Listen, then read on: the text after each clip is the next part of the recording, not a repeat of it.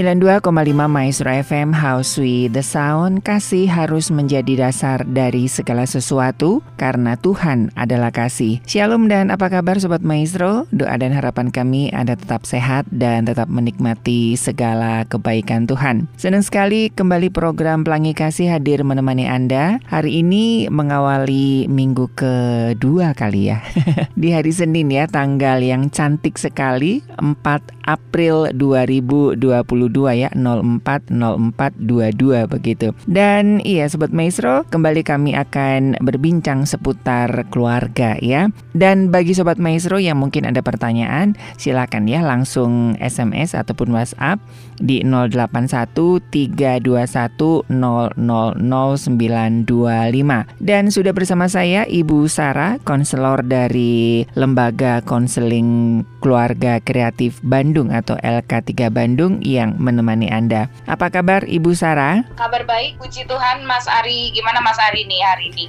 Uh, that's okay. No, I am not okay.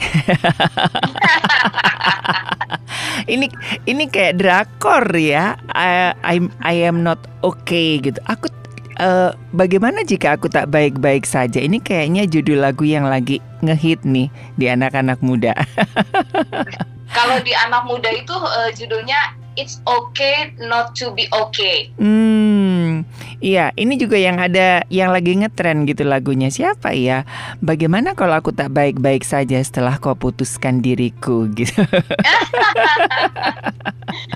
Kadang-kadang gitu ya Bu ya Orang uh, berpura-pura untuk oke okay, gitu Padahal dia nggak oke okay, yes. gitu Nah apakah ini yang akan kita ulik di kesempatan ini Ibu Sarah? I am not Betul I am not ya. okay. Ya. Oke. Okay. Betul, Sobat Maestro. Hari ini saya ingin membahas dengan satu tag I'm not okay. Mungkin di antara para pendengar Sobat Maestro hari ini ada yang lagi ngerasa capek, merasa lelah, kemudian merasa putus asa, dan juga mungkin uh, ada juga yang sedang dalam kondisi depresi gitu ya, Mas Ari. Mm -hmm. Jadi uh, hari ini kita mau membahas boleh nggak sih kita itu I'm not okay gitu loh, nggak yeah. selalu dalam keadaan oke okay, gitu ya. Mm-hmm. Uh, mm-hmm. Kenapa saya pengen bahas ini gitu ya?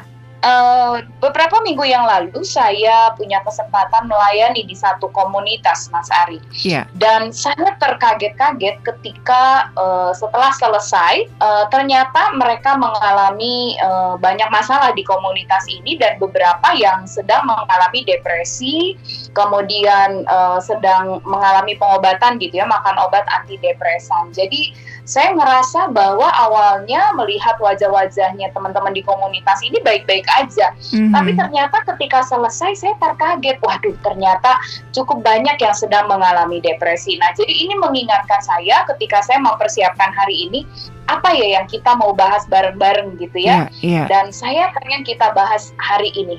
Ketika mm-hmm. hari ini I'm not okay. Boleh enggak sih gitu loh? Betul, Wajar enggak sih gitu? Betul.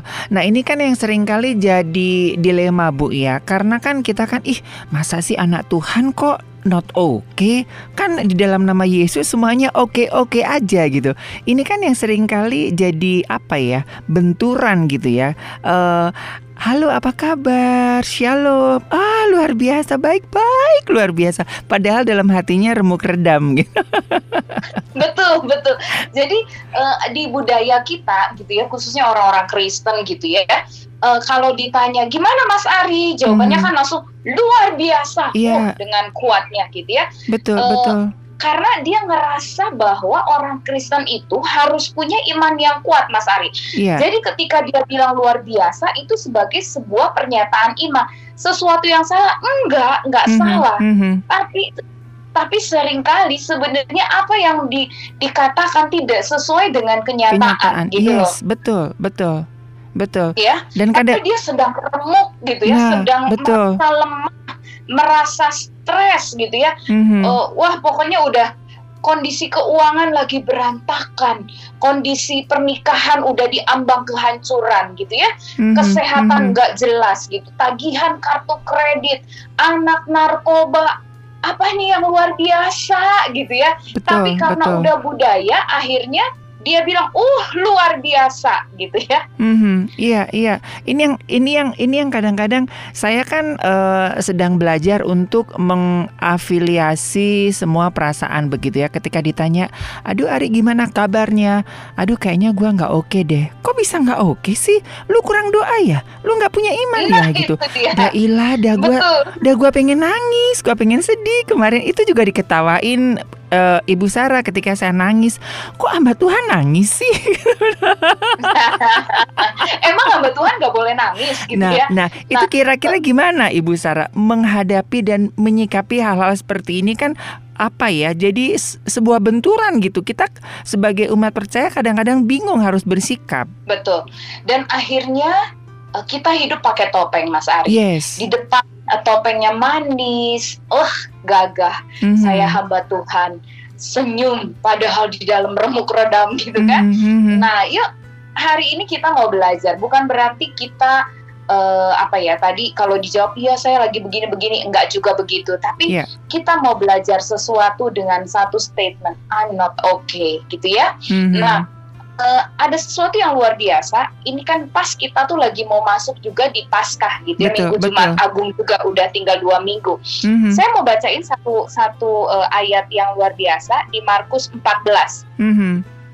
Lalu katanya kepada mereka, ini perkataan Yesus ya. Lalu katanya kepada mereka, hatiku sangat sedih, seperti mau mati rasanya. Tinggallah di sini dan berjaga-jagalah. Ini adalah ketika Yesus di Taman Getsemani. Ini perkataan Yesus yang dikasih tahu kepada tiga muridnya yang menemani pada waktu itu kan ada ada iya. Yohanes, yeah. Yakobus, Petrus gitu ya. Betul. Nah, Yesus itu pernah merasa sedih loh gitu ya. Mm-hmm. Yesus pun pernah merasakan ketakutan sebenarnya ya. Yesus merasa tadi di situ dia bilang e, apa rasanya seperti mau, mau mati, mati rasanya betul, ya betul. Iya. Jadi Yesus aja ada saat momen di mana dia juga mengalami hal yang sama seperti yang sedang kita rasakan mungkin hari-hari ini. Tapi ada yang berbeda. Yang berbeda adalah Yesus berani menceritakan itu. Yesus berani mengumumkan itu kepada orang yang terdekatnya. Dia tidak mengumumkan kepada semua orang pada waktu itu ya Mas Arya. Mm-hmm, Tapi mm-hmm. anak Yesus berani menyatakannya itu. Nah, bagaimana dengan kita gitu ya? Berani nggak kita ngomong kepada orang-orang yang kita cintai, kepada orang yang lebih rohani dari kita? Anas kita jujur, kita bilang sama istri kita, Mom sorry, I'm not okay hari ini. Yeah. Aku lagi begini gitu ya. Nah, lebih banyak orang hari-hari menyimpannya dan dia mengemasnya dengan baik sehingga semuanya ada di dalamnya seperti gunung uh, apa ya gunung mau meletus gitu ya. Mm -hmm. Di dalam itu di luarnya lembut tenang tapi di dalam itu bergejolak sampai satu kali itu meledak yeah. dan dia nggak tahan lagi yang terjadi dia kena stroke dia yang terjadi kena depresi yang terjadi dia uh, jadi uh, apa ya maksudnya satu situasi yang dia sendiri sudah tidak bisa kontrol gitu loh mas mm -hmm. Ya jadi bukan berarti kepada semua orang tuh hari hey sorry ya aku hari ini lagi nggak oke okay, gitu loh kepada semua orang yang nggak gitu juga mas gitu ya sampai akhirnya semuanya orang kenapa sih gue punya bos begini amat gitu kan nggak begitu Tapi yang hari ini kita mau belajar adalah bagaimana kita bisa jujur kepada diri kita sendiri, bahkan kepada orang-orang yang kita cintai, bahwa hari ini situasi saya unknown, oke, okay. mm-hmm. saya sedang dalam kondisi yang tidak oke, okay, gitu loh. Yeah. Apakah itu sesuatu yang salah? Tidak, mm-hmm. ya. Mm-hmm. Itu satu kondisi yang mungkin tidak bisa kita hindari, gitu kan? Yeah. Nah, saya mencatat apa sih yang menyebabkan kita nggak oke okay, gitu ya. Mm-hmm. Sebenarnya mm-hmm. ada tiga hal yang uh, mungkin membuat kita hari ini lagi nggak oke. Okay. Yang pertama adalah ketakutan fakta sebenarnya bilang bahwa 80% ketakutan manusia itu adalah tidak real ya. Betul, betul. Ketakutan yang besar itu sebenarnya yang realnya hanya 20%. Jadi lebih banyak sebenarnya ketakutan yang kita simpan di uh, pikirannya kita gitu loh Mas Ari. Pernah betul. dengar teori ini? Iya, iya, betul, betul. Kan kalau kita berpikir sendiri gitu ya, kira-kira orang bisa menilai nggak dengan ketakutannya kita? Mm -hmm. Tapi yeah. ketika saya berani bilang sama suami saya, Pap, sebenarnya saya uh, lagi takut. Nah, beberapa hari terakhir ini, ya saya bersyukur uh, Tuhan izinkan dalam pekerjaan saya banyak masalah. Yeah. Dan uh, sempat sampai pada satu titik pada waktu itu saya sempat bilang sama suami saya begini, Pap boleh nggak aku ambil keputusan untuk resign? Waktu saya ngomong begitu, sebenarnya saya punya ketakutan. Hmm. Kenapa? Saya berpikir, aduh, saya kerja hari ini saya punya gaji angkanya segini mas. Artinya kalau gue berhenti hari ini aku kehilangan angka ini. Yeah. gimana saya bayar cicilan rumah? Gimana saya bisa uh, biayain sekolah anak biaya begini-begini? Yang saya tahu pengeluaran ini pasti gitu loh. Mm-hmm. gitu kan? Nah ketika saya mikir sendiri saya hidupi ketakutan saya sendiri saya mulai stres gitu ya. Dan Betul mungkin waktu itu kalau saya lihat ciri-ciri orang depresi saya mulai mengarah ke arah yang seperti itu gitu walaupun belum. Mm-hmm. tapi ketika saya check up diri saya us gawat nih. Kenapa? Karena katanya depresi itu adalah gangguan suasana hati uh, atau mood ya yang ditandai dengan perasaan sedih yang mendalam kemudian rasa mulai uh, tidak peduli dan lebih dari dua minggu gitu ya. Jadi udah mulai merasa sedih putus harapan tidak berharga udah lebih dari dua minggu sebenarnya itu ciri yang sederhana seseorang sedang depresi gitu ya. Yeah. nah saya mulai berpikir aduh ketimbang saya mikir sendiri ya saya mulai bilang sama suami saya saya memberikan diri. Saya bilang Pap, boleh nggak? Kalau sampai saya mengambil keputusan ini. Terus akhirnya suami saya bilang oke okay, mam kita ngobrol dulu kenapa mami memutuskan ingin uh, berhenti akhirnya saya ceritain semua yang sedang terjadi itu lega banget gitu ya walaupun yeah. suami saya pada hari juga bilang keputusan di tangan di tangan mami kalau mami mau resign papi support ya dan kita punya konsekuensi begini. Ayo kita hadapin berdua. Kita coba pikirin ya kalau Tuhan izinin pamirisan pasti ke depan Tuhan buka jalan. Pasti mm-hmm. Tuhan akan kasih kita usaha yang baru yeah. untuk kita bisa itu lega Mas gitu. Mm-hmm. Ketimbang mm-hmm. ketika saya mikir dengan semua ketakutan-ketakutan saya gitu loh. Iya. Yeah. Betul, betul. Nyari kerja hari gini lagi pandemi nggak gampang. Betul. Apalagi on position saya yang sudah uh, di posisi di uh, di, atas, di level ya. manager udah mm -hmm. iya di mhm. atas mm -hmm. gitu ya. Mm -hmm. Nggak mudah perusahaan menerima posisi itu. Padahal buat Tuhan gampang apa enggak? Gampang. Betul. Buat Tuhan Betul. Sesuatu yang tidak mustahil. Tapi yaitu karena saya memendam ketakutan saya, saya memikirkannya sendiri, akhirnya ya saya pusing sendiri. Tapi ketika saya mengerti oh ketakutan saya itu perlu diceritakan. Saya butuh pasangan saya untuk dengar. Mungkin kalau pasangan saya nggak bisa dengar, saya akan cari kakak rohani saya gitu ya. Mm-hmm. Kalau kakak rohani saya nggak bisa dengar, saya cari sahabat saya gitu ya. Yeah, yeah. Kalau sahabat saya nggak ada, saya tetap akan punya satu seseorang yang saya bisa andalkan. Saya cerita sama Tuhan, mm-hmm. gitu loh mas. Betul, betul, ya? betul. Iya. Ya, Jadi not okay yang pertama adalah ketakutan Yuk sobat uh, maestro coba cek hari ini apakah kita sedang ada dalam ketakutan.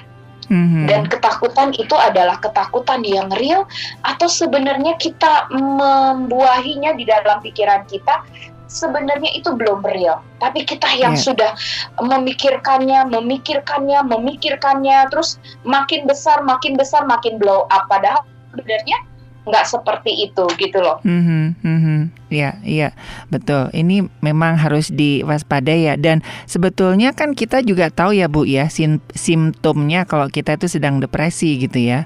Kan be beberapa hari ini tuh kan saya uh, bisul-bisul ya Bu ya. Terus saya ke dokter kulit ah lu mah stres. Betul. Uh, saya kalau stres ya. gitu Bu, kalau stres depresi itu bisul-bisul gitu bisul-bisul terus infeksi jadinya. Apalagi kan kan imun saya kan naik turun ya jadi oh iya ya, ya. ternyata ya udah yang penting lu rekreasi relax ntar sembuh sendiri. Nggak usah minum antibiotik nggak usah obat macam-macam lu lu relax begitu lu mau nangis nangis gitu. Dan ya puji Tuhan ya. bu hari-hari ini udah mulai reda gitu kan ya. minggu kemarin kan saya, lupa, saya, saya ngeblank banget kan yang lagi waktu siaran beberapa waktu itu iya. ngeblank banget karena memang ya itu tadi seperti Ibu Sarah katakan mikirin gitu kan ini udah umur segini, udah sakit begini nanti ke depannya apa ah itu campur aduk begitu dan akhirnya tumbuh iya. bisul-bisul. Iya, saya mm. uh, saya mungkin belum pernah sharing di sini love your pain ya. Oh, tubuh kita iya. Uh, mm. iya nanti mungkinnya ada sesinya yeah, yeah, kita yeah. akan bahas ya uh, cintai uh, kesakitan kita. Maksudnya begini, uh, tubuh kita itu memberikan respon ketika mm -hmm. kita mm -hmm. mengalami ketakutan, ketika kita stres, kita ketika kita punya beban berat ya itu uh, badan kita tuh memberikan respon. Mm -hmm. Jadi sebenarnya kita bisa mengenalinya gitu ya. Jadi yeah, seperti yeah. yang tadi uh, yang depresi itu bukan hanya secara mentalnya saja uh, orang yang depresi itu bisa dikenali gejalanya mm -mm, gitu ya. Betul, betul. Uh, secara fisik dia kan mengalami kecemasan, kekhawatiran yang berlebihan gitu ya.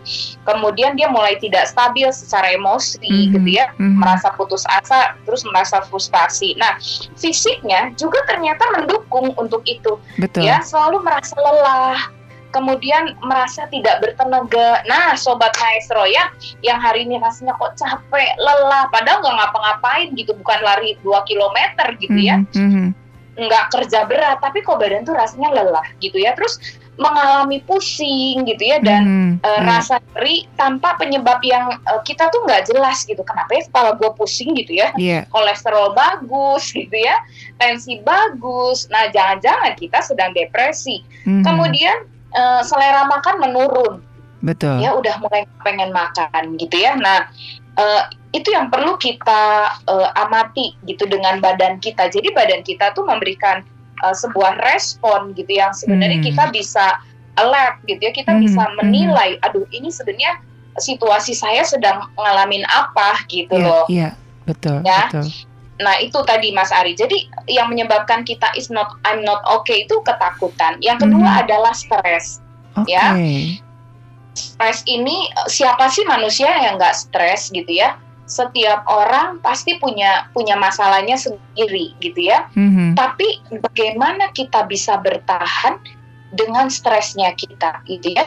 Ketika stres itu sudah melewati ambang batas kita, maka dia akan masuk kepada depresi. Oke. Okay. Gitu ya. Iya. Yeah, nah, ini ini yang kita harus uh, amati ya tadi. Mm -hmm, kita mm -hmm. mesti lihat kalau yang pertama kita punya ketakutan, yang kedua adalah apakah kita saat ini sedang dalam kondisi stres ya. Kemudian yang ketiga ternyata beban berat ya berbeban berat gitu ya. Duh rasanya di bahu ini ditaruh beban yang berkilo-kilo rasanya gitu ya. Mm-hmm. Nah itu perlu kita akui gitu loh. Yeah. Untuk apa? Untuk kita bisa waspada, untuk kita bisa berjaga-jaga, sama seperti Tuhan Yesus. Tuhan Yesus kurang apa sebelum dia masuk di taman Getsemani? Dia sudah mengalami, dia sudah melakukan mujizat demi mujizat. Yeah. Tapi ada masa, ada momen dalam hidupnya, dalam hidup Yesus, Yesus juga pernah merasa sedih, merasa ingin mati, mati. di situ ya, di Markus iya. 14 ayat 34. Tapi hmm. ada yang berbeda dengan dengan Yesus. Kalau Yesus tidak terus jadi depresi, nah yuk kita lihat ya lanjutannya dari dari Markus 14 ayat yang uh, tadi di 34 ini yang 35-nya ya, saya bacain aja. Nah, ia maju sedikit merebahkan diri ke tanah dan berdoa supaya sekiranya mungkin saat itu lalu dari padanya. Jadi apa yang berbeda antara Yesus dengan kita? Yang pertama, Yesus berani mengakui kesedihannya kepada orang yang terdekat, hmm. kepada orang yang dia percayai, gitu ya. Yeah. Kemudian yang kedua adalah yang Yesus lakukan berdoa, ya. Dia mm-hmm. di Yesus menyatakannya di dalam doa. Jadi uh, hari ini saya mau bilang solusi salah satu solusi yang kita bisa lakukan ketika kondisi kita hari ini I'm not okay. Yang pertama adalah I can pray about it. Hmm. Kita bisa membawa itu doa kita kepada Tuhan. Yeah. Ya. Nah, uh, ini situasi pandemi ini kan sekarang sudah mulai hampir berlalu gitu ya, Mas. Benar nggak? Mm-hmm, betul, betul. Ya, kalau kemarin sebenarnya uh, apa? banyak orang WFH ya mm -hmm. eh, di mm -hmm. uh, di rumah gitu ya. Yeah. Nah saya sempat uh, berpikir gitu ya ketika kita di rumah akan lebih banyak waktu kita berdoa. Tapi fakta hasil survei menyatakan semakin banyak orang di rumah ternyata waktu doanya malah semakin sedikit loh mas. Betul betul betul. Kenapa? Karena ada satu siklus yang berbeda termasuk saya waktu itu cuma seminggu sih WFH ya mm-hmm. saya lebih suka di kantor kenapa karena ketika saya di kantor saya punya jadwal jam segini uh, kerja jam yeah, segini yeah. pulang jam segini makan sudah itu saya doa Betul. tapi karena saya harian di kantor saya berselancar dengan handphone saya saya berselancar dengan laptop saya dan akhirnya saya pun ketiduran dan enggak berdoa. Saya berpikir pada awalnya adalah ketika saya banyak WFH di rumah, saya akan semakin banyak waktu untuk berdoa. Ternyata enggak gitu betul, loh. Nah, betul. sama Bu. Jadi, nah itu.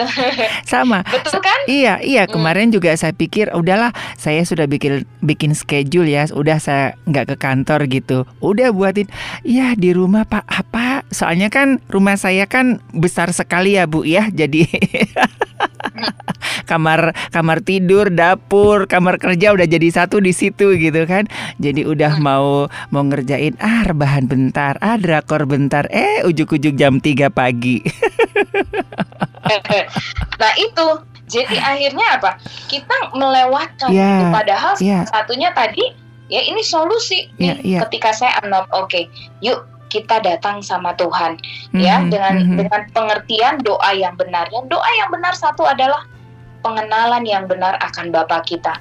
Ya, sering kali uh, kita doa ya ketika kita doa sering kali kita Anas nggak berani jujur sama Tuhan yeah, gitu ya yeah. mungkin ini hari-hari yang tepat untuk kita bisa memulai mungkin kalau kita nggak bisa memulai kepada istri kita ya suami nggak berani cerita sama istri nggak berani cerita sama anak-anak yuk berani cerita dulu nih sama Tuhan mm-hmm. Anas apa adanya gitu ya mm-hmm. kita bisa ceritain uh, apa yang sedang kita rasakan gitu ya yeah. saya ingat saya pernah diterapi oleh Pak Julianto Sarah ketika kamu uh, merasakan hal yang sedih, yang paling mudah untuk kamu bisa lakukan, kamu menuliskannya seperti kamu menuliskannya kepada Tuhan.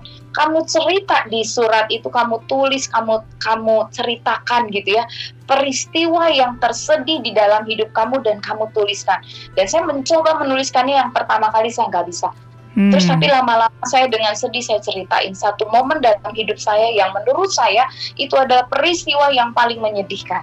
Yeah. Nah, ternyata ketika kita mau jujur sama Tuhan aja susah Mas Ari mm-hmm. apalagi mm-hmm. kita mau jujur sama pasangan apalagi kita mau jujur sama teman-teman sama sahabat kita yeah. sering kali kita udah takut duluan entah dinilai nggak rohani entah dinilai nggak uh, lagi jatuh dalam dosa entah dinilai lagi uh, apa ya maksudnya lagi nggak bener hidupnya mm-hmm. gitu kan mm-hmm. Mm-hmm. sehingga kita akhirnya ah, udahlah nggak usah diceritain padahal di dalam ini rasanya udah berkecamuk berkecamuk. betul betul, betul. nah ya jadi yuk kita doa sama Tuhan dengan pengenalan yang benar Bapak kita tuh Bapak yang baik Bapak yang tidak menghakimi ya. Bapak yang dia senang ketika anaknya datang dengan kejujuran. Kemudian yang terakhir adalah dengan penyerahan gitu ya. Mm-hmm. kita bisa bilang sama Tuhan Tuhan hari ini aku lagi capek. Tuhan aku hari ini lagi lelah Tuhan aku hari ini nggak sanggup lagi lihat duit di kantong udah nggak jelas utang makin banyak gitu ya anak saya makin nggak jelas uh, apa hidupnya yuk jujur sama Mhm, Tuhan dulu mhm, gitu loh mhm, mhm. Jadi konsep doanya eh, nggak nggak nggak harus pakai protokoler gitu ya Bu. Apa yang dirasakan itu lang langsung ngomong seketika itu ya Bu ya. Saya pernah juga diajari diajarin eh, apa namanya Bang Jul juga seperti itu. Apa yang kamu rasakan, udah ngomong aja gitu. Jangan panjang-panjang. Tuhan, aku lagi nggak enak hati nih. Aku lagi marah nih, aku lagi bete. Udah minimal eh, apa ya? Kita bisa memvalidasi emosi gitu ya, Bu ya. betul Mhm, mhm. jadi ya itu ya Ya, ya. kadang-kadang kita itu tidak tidak tidak cerdas secara emosi gitu ya kayak Mhm, saya mhm. saya juga dulu begitu susah untuk menceritakan perasaan saya kepada pasangan saya gitu loh. Jadi Mhm. kita tuh selalu berharap pasangan kita itu mengerti gitu kan, mengerti apa yang kita rasakan gitu kan. Padahal eh, pasangan kita itu bukan ahli nujum gitu, bukan ahli Iya. telepatik yang bisa membahas membaca wajah gitu. Oh hari ini saya lihat Mas Ari, maaf ya, ini nampak-nampaknya ya udah mulai sedang error. terjadi, eh, eh, eh, sedang error, sedang marah, Mhm. sedang kecewa. Enggak. Mungkin oke ekspresi bisa tertangkap sedang marah. Mungkin tertangkap ekspresi sedang sedih. Tapi kan eh, pasangan kita nggak pernah tahu kenapa kamu marah, kenapa kamu sedih, kenapa kamu kecewa gitu kan Mhm, itu kan mhm. perlu diceritakan, itu kan perlu dilatih gitu kan. Nah, betul, betul. ngomong gampang, praktek enggak gampang Mas Iya, Ari dan betul, betul, harus Bu. dibiasain. betul, Coba ya. betul, betul. Iya, iya. Apalagi kalau kita ya di posisi sebagai eh, hamba Tuhan ataupun eh, pengurus gereja ya. Kemarin kan kan juga saya lagi not okay gitu. Tiba-tiba suruh doa gitu, Bu. Saya bilang bisa yang lain nggak? Saya lagi nggak oke gitu. Hah? Nggak oke. Langsung Bu banyak dicecer WA. Emang kenapa? Ada apa? Ada apa gitu kan jadi capek saya lama-lama gitu. Nah, itu se- nah kan itu hal yang simpel sebenarnya kan untuk kita bisa eh, untuk kita bisa cerita, tapi kan tidak semudah itu kita eh, cerita Iya, gitu ya. Betul, betul, betul, betul. Kita kan takut dari jadi apa, Bu ya? Jadi bahan bahan-bahan omongan terus eh, udah kayak langsung aja auto wartawan-wartawan itu banyak banget gitu, Bu. Iya. Dan kita merasa juga ah gue cerita sama lu juga buat apa sih? Lu juga nggak bisa nolong gitu kan. Nah, nah itu Bu, itu Bu yang yang ada beberapa kali orang yang eh, apa namanya? Saya menghadapi orang seperti itu. Ah, gua cerita ke kamu juga gua sendiri yang rasain, yang nanggung. Lu mah cuma bisa denger doang gitu. Itu kan kayaknya ditonjok banget gitu saya, Bu. Gimana caranya menghadapi eh, komentar-komentar seperti ini? Ya, makanya tadi kita balik lagi nih ceritanya Yesus. Hmm. Yesus kan nggak pilih nggak panggil 12 muridnya untuk mendengarkan kesedihannya Oke. Yesus oh, dong. iya iya iya. Mhm, Yesus hanya mhm. pilih tiga, tiga, iya yang betul. artinya orang inilah yang mungkin paling dekat dengan Yesus gitu loh, Mhm. yang mungkin paling dewasa, yang paling Yesus tahu mereka lebih bisa mengerti Mhm, dibandingkan mhm, mhm, kedua belas muridnya eh sembilan muridnya Iya. yang lain gitu loh. mhm. ya jadi eh, hari ini saya bukan mengajarkan sobat maestro untuk cerita ke semua orang gitu ya malah Mhm. juga bisa terjadi sesuatu yang salah kalau seorang Iya. suami eh, stres terus dia cerita sama sekretarisnya tiap Hmm. hari gitu kan Apalagi Yang di ada- medsos ya Bu ya. Sekarang kan gampang Oh. banget ya di medsos ya. iya iya yang ya kalau tadi yang sama sekretaris jadi Mhm. CLBK eh Mhm, mhm. jadi jadi ada hubungan eh, ketergantungan gitu. Iya, Kalau iya, punya masalah, gue mesti cerita sama sekretaris gue. Sekretarisnya jadi ngerasa, aduh, merasa eh, punya hubungan eh, kepentingan Mhm, gitu. Yang mhm. akhirnya ya udah, akhirnya jatuhlah dengan sekretarisnya gitu kan. Mhm, mhm, betul. Jadi eh, kita juga harus wise, kita harus bijaksana gitu. Kita harus menilai juga siapa sih orang yang paling tepat untuk kita bisa ceritakan eh, apa yang sedang kita rasakan gitu ya. Mhm. Tapi yang paling adalah kepada pasangan kita gitu ya Ya, karena dia teman teman hidup kita gitu ya teman s- eh, teman apa ya, ya teman hidup ya teman berjuang gitu kan mhm, mhm. jadi jangan kepada istri orang ya para suami ya istri sendiri Tapi katanya Ya. sih le- lebih nyaman Bu sama suami orang sama istri orang gitu. Kalau sama istri sendiri, suami sendiri kadang-kadang ya belum siap gitu. Itu kayak yang sering kali jadi alibi gitu. nah ya itu itu kan eh, alibinya gitu kan Mhm, jadi akhirnya bukan masalah Ya. satu selesai masalah berikutnya muncul. Tambah masalah lebih besar. Iya, iya, iya, iya. Jadi Mhm. itu uh, kalau penggadaian apa tuh? Menyelesaikan masalah, Masalah tanpa masalah. Ini enggak. Menyelesaikan masalah dengan menambah masalah. Masalah iya. Me, apa? Membunuh lalat dengan bom atom. Ya, Iya, betul, betul. Ya, jadi eh, sobat eh, maestro sekali lagi yuk kita hari ini eh, ngelihat kalau hari ini I'm not okay itu nggak apa-apa gitu ya. Mhm, mhm. Tapi sekali lagi kita belajar mengakuinya supaya kita mengalami kelegaan. Iya. Ya, kita tidak hidup dengan topeng ya. mhm. Eh, sampai akhirnya kita lupa kalau kita pakai topeng selamanya. Itu yang Hmm, bahaya Iya. ya kita Iya. perlu menanggalkan topeng-topeng kita sehingga orang bisa melihat kita yang sesungguhnya supaya kita enggak lelah gitu ya Mhm. supaya hidupnya nyaman kita bisa merasakan ketenangan dan kelegaan Iya. itu yang sangat-sangat sulit dicari di akhir-akhir hi- eh, hari-hari ini gitu ya karena semua orang tampil dengan topeng karena saya seorang rohani, saya evangelis, Hmm. saya pendeta, saya bahkan sebagai seorang konselor harus bisa tampil. Enggak juga. Ada saatnya saya juga sebagai konselor, saya juga I'm not okay gitu loh. Mhm, mhm. Ya. Jadi kalau Yesus juga pernah not okay, tapi dia tetap sebagai konselor yang ter, eh, terbaik Baik, yang iya. Kons- Kenapa Yesus bisa merasakan apa yang kita rasakan karena dia sudah pernah mengalaminya gitu loh Mhm, mhm. ya. Jadi itu ya tadi ya udah udah eh, kita belajar jadi kita harus jujur ya Mhm. jangan sembunyikan eh, perasaan kita. Kita boleh punya tag I'm okay. It's okay to be no Hmm. okay. Ah, nih ya bahasanya mhm. keren nih. Iya. It's okay to be no okay. Jadi sometimes kita boleh gitu ya. Kita akan oke ketika kita satu kali dalam kondisi lagi nggak fit gitu ya.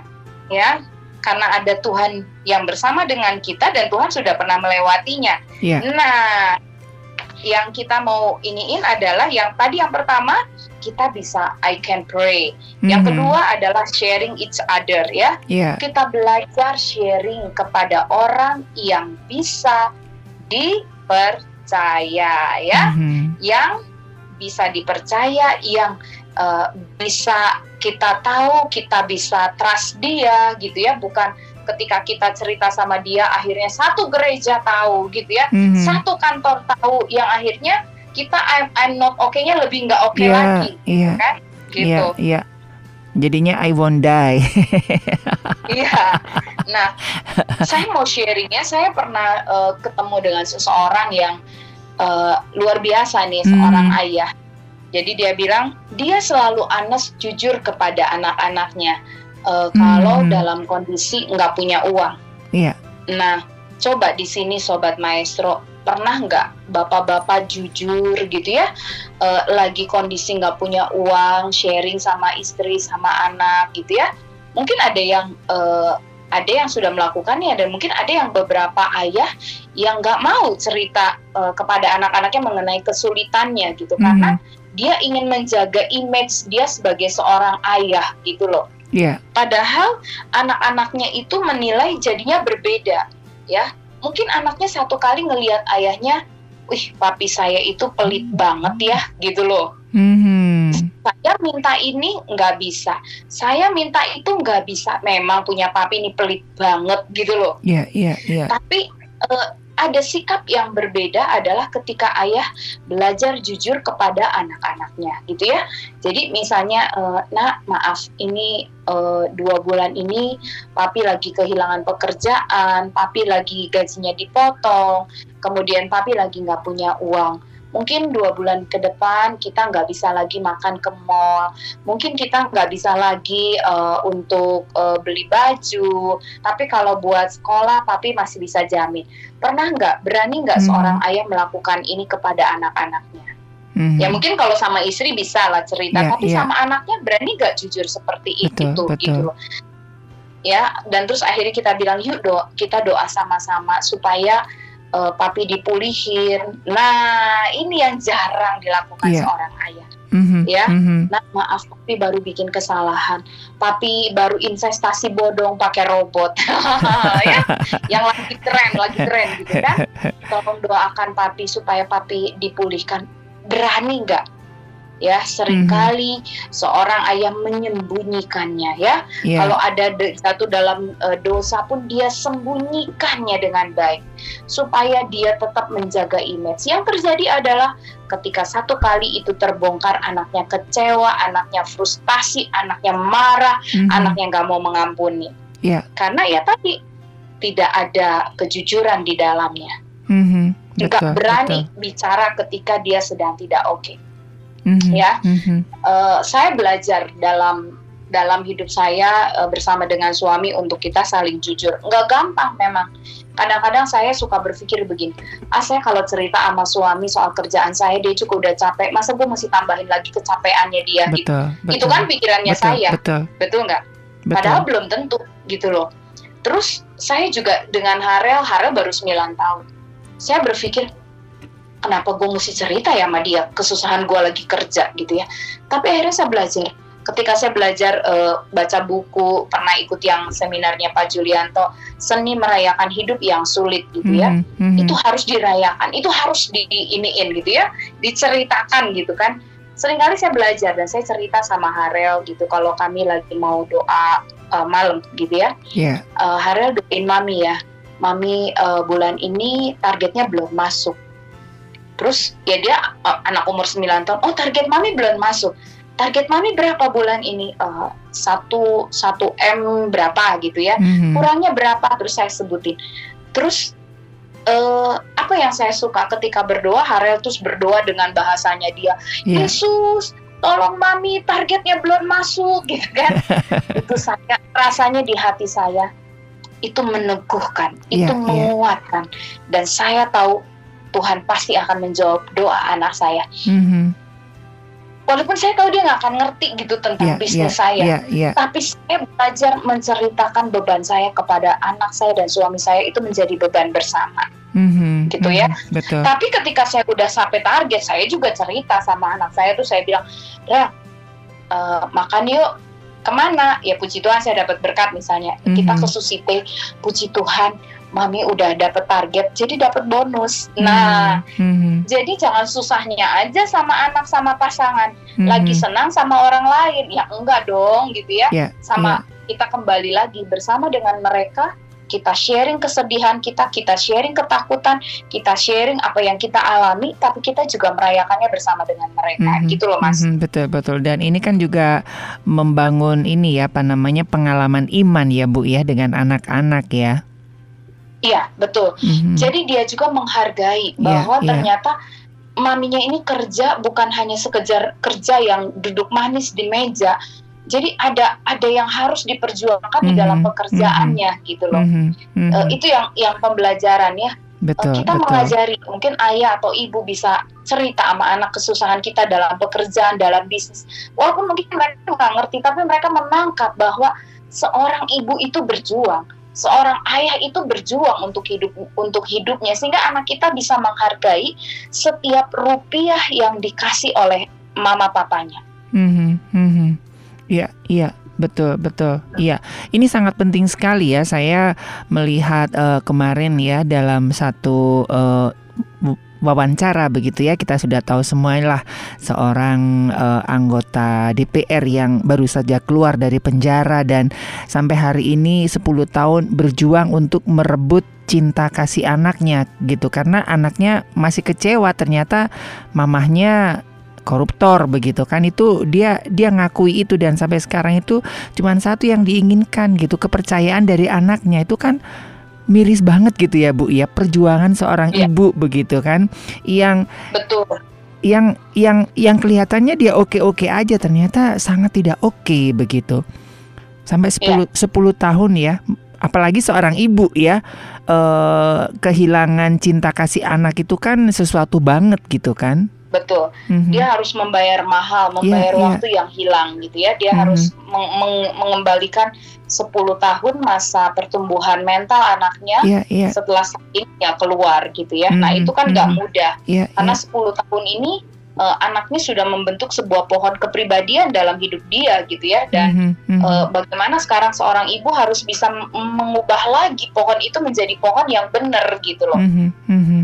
Iya, iya. Oke, nah ini ini jadi satu hal yang uh, cukup bagus ya sobat maestro ya kalau hari ini kita diingatkan untuk yuk kita sharing kepada anak-anak kita walaupun nggak mengerti begitu bahwa kita juga ada waktu-waktu nggak oke okay, begitu ya sehingga anak tidak menaruh ekspektasi yang berlebihan baik itu terlalu positif dan juga terlalu negatif seperti Ibu Sarah tadi sampaikan begitu ya. Itu akan lebih fair ya kepada anak ya dan jauh lebih bisa menerima dan menghargai orang tuanya gitu ya. Iya, betul. Mm -hmm. Jadi mm -hmm. belajar untuk eh, sharing berbagi beban gitu ya. Mm -hmm. uh, halo, ayah nggak hidup sendirian. You are not alone mm -hmm. ya. Mm -hmm. Ayah itu punya istri, ayah itu punya anak gitu kan. Yeah. Nah, ini yang harus terjadi di dalam rumah kita masing-masing. Bagaimana semuanya saling support gitu ya. Dan gimana bisa saling support kalau tidak pernah ada yang berani saling menceritakan gitu ya. Hmm. baik kekecewaan anak kepada ayah kekecewaan anak kepada ibu atau ibu juga kecewa kepada anaknya gitu ya. Hmm. nah ini yang yang kita harus belajar gitu ya. Yeah, yeah. nggak gampang betul, betul gitu. kadang-kadang kita merasa ah udahlah nggak usah lah biar mereka nggak ada udah mereka udah pusing sama pembelajarannya di sekolah mereka nggak usah lagi ditambahin beban sama kita katanya gitu mm -hmm. kan mm -hmm. padahal nggak begitu kalau kita uh, keras maksudnya ya kita tegas gitu ya kepada anak-anak kita uh, membentuk mereka sesuai dengan karakternya Tuhan gitu ya maka dunia akan menjadi lembek tapi yeah. kalau kita lembek kepada anak-anak kita gitu ya kita mengabaikan mereka, maka dunia akan menjadi keras kepada hmm. mereka. Sehingga ketika mereka turun ke dunia yang sesungguhnya, mereka tidak siap, betul, gitu loh. Betul, betul. Jadi itu yang sering kali ini, termasuk saya, saya pun sama. Saya kadang-kadang ngerasa, aduh, Harel nggak usah lah gitu ya. Rasanya uh, helper ya, savior mm, syndrome, syndrome saya betul, sebagai, betul. iya sebagai seorang ibu tuh cepet banget gitu. Padahal aduh itu tuh ya nggak membentuk gitu loh mm -hmm. sebenarnya mm -hmm. itu membuat dia jadi lembek membuat dia jadi depend kepada saya gitu depend kepada ayahnya gitu loh mm -hmm.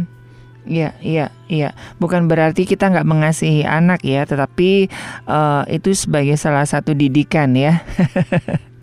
kalau ya. kalau semuanya orang tuanya yang ngerjain juga gitu ya, kasihan. Betul Nah, tadi udah dua, udah yang pertama apa? Mm -hmm. Solusinya ketika uh, I'm not eh, okay, doa I ya, can pray. I can pray. Yes, I mm -hmm. can pray about it. Yang kedua mm -hmm. adalah sharing each sharing. others ya yeah. kepada orang yang bisa dipercaya. Mm -hmm. Dan mm -hmm. yang ketiga adalah I have to stay. Mm. Atau saya harus bertahan Tahan. ya. Mm -hmm. Nah, ini juga bicara budaya ya. Budaya di kita itu selalu suka bikin welcoming party, very hmm. well party, ya. Yeah, nah, yeah. jadi bahkan kalau ibu-ibu lagi baru hamil pun pakai bridal showers gitu ya, yang mm -hmm, oh, apa balon gitu yeah, ya, yeah, wah pokoknya yeah. pesta gitu. Padahal anaknya belum lahir, mm -hmm. gitu kan, menyambutnya.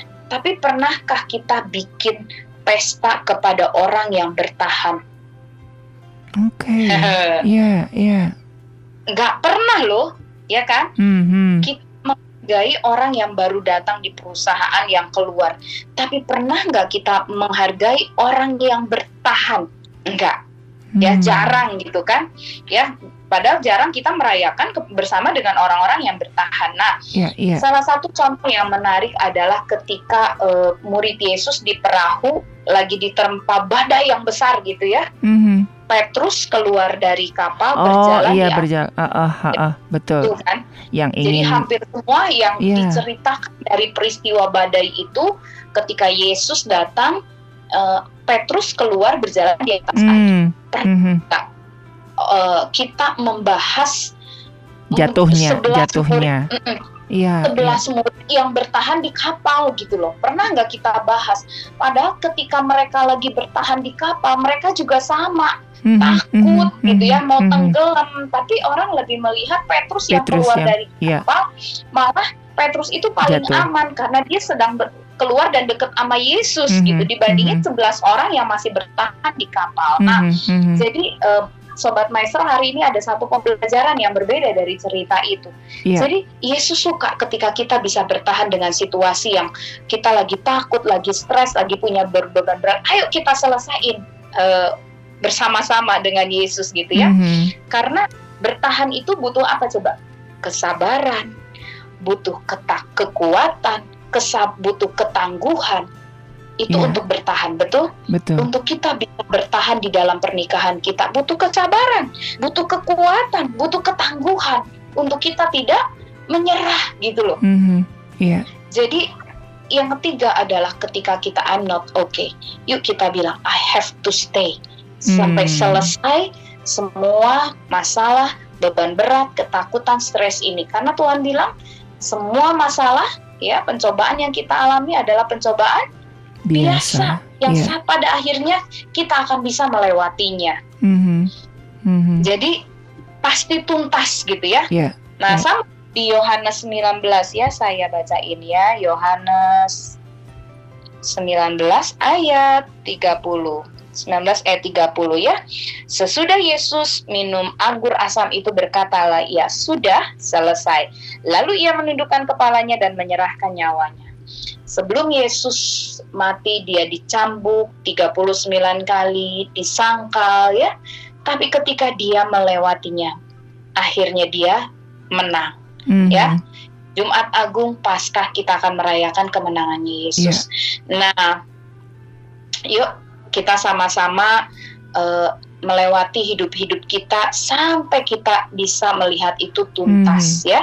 Yeah kesetiaan untuk bisa bertahan di tengah badai. Hmm. Nah, itu yang Tuhan hargain. Ya, dan saya percaya uh, kita semua bisa bertahan.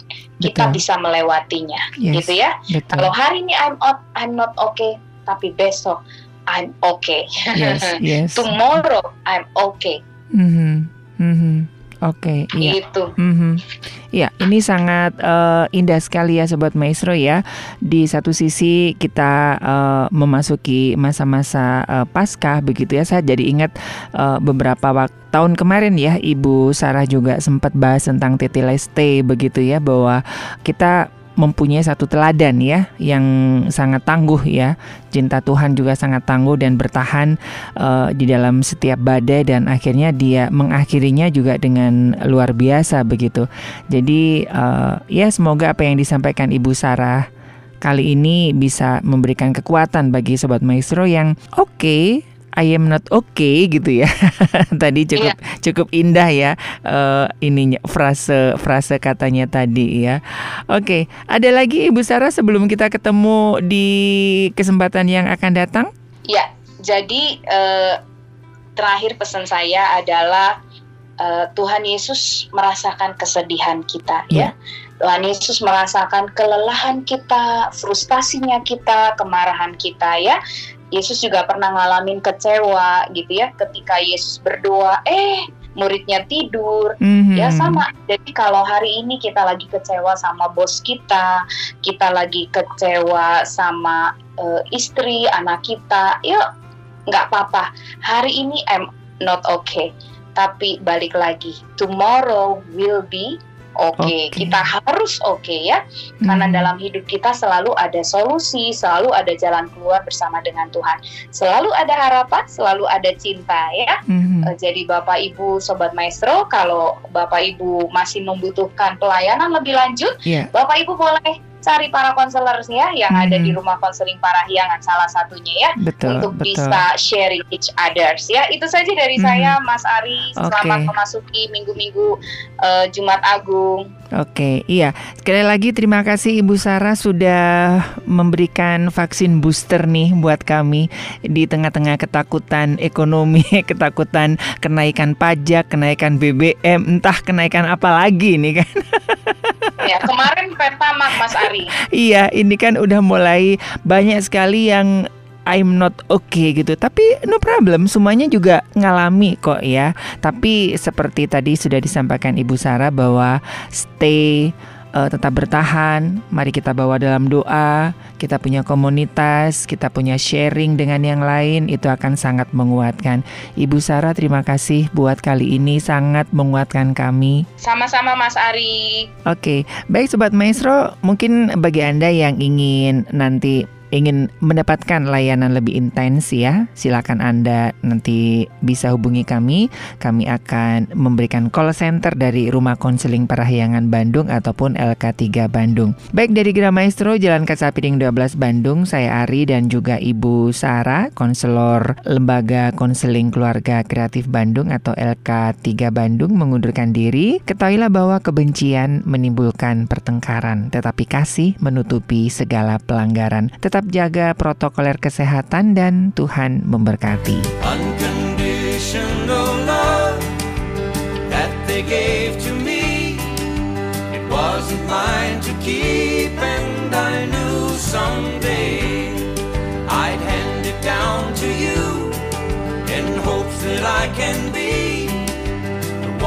Makes you see the importance of Unconditional love. Unconditional love. Unconditional love.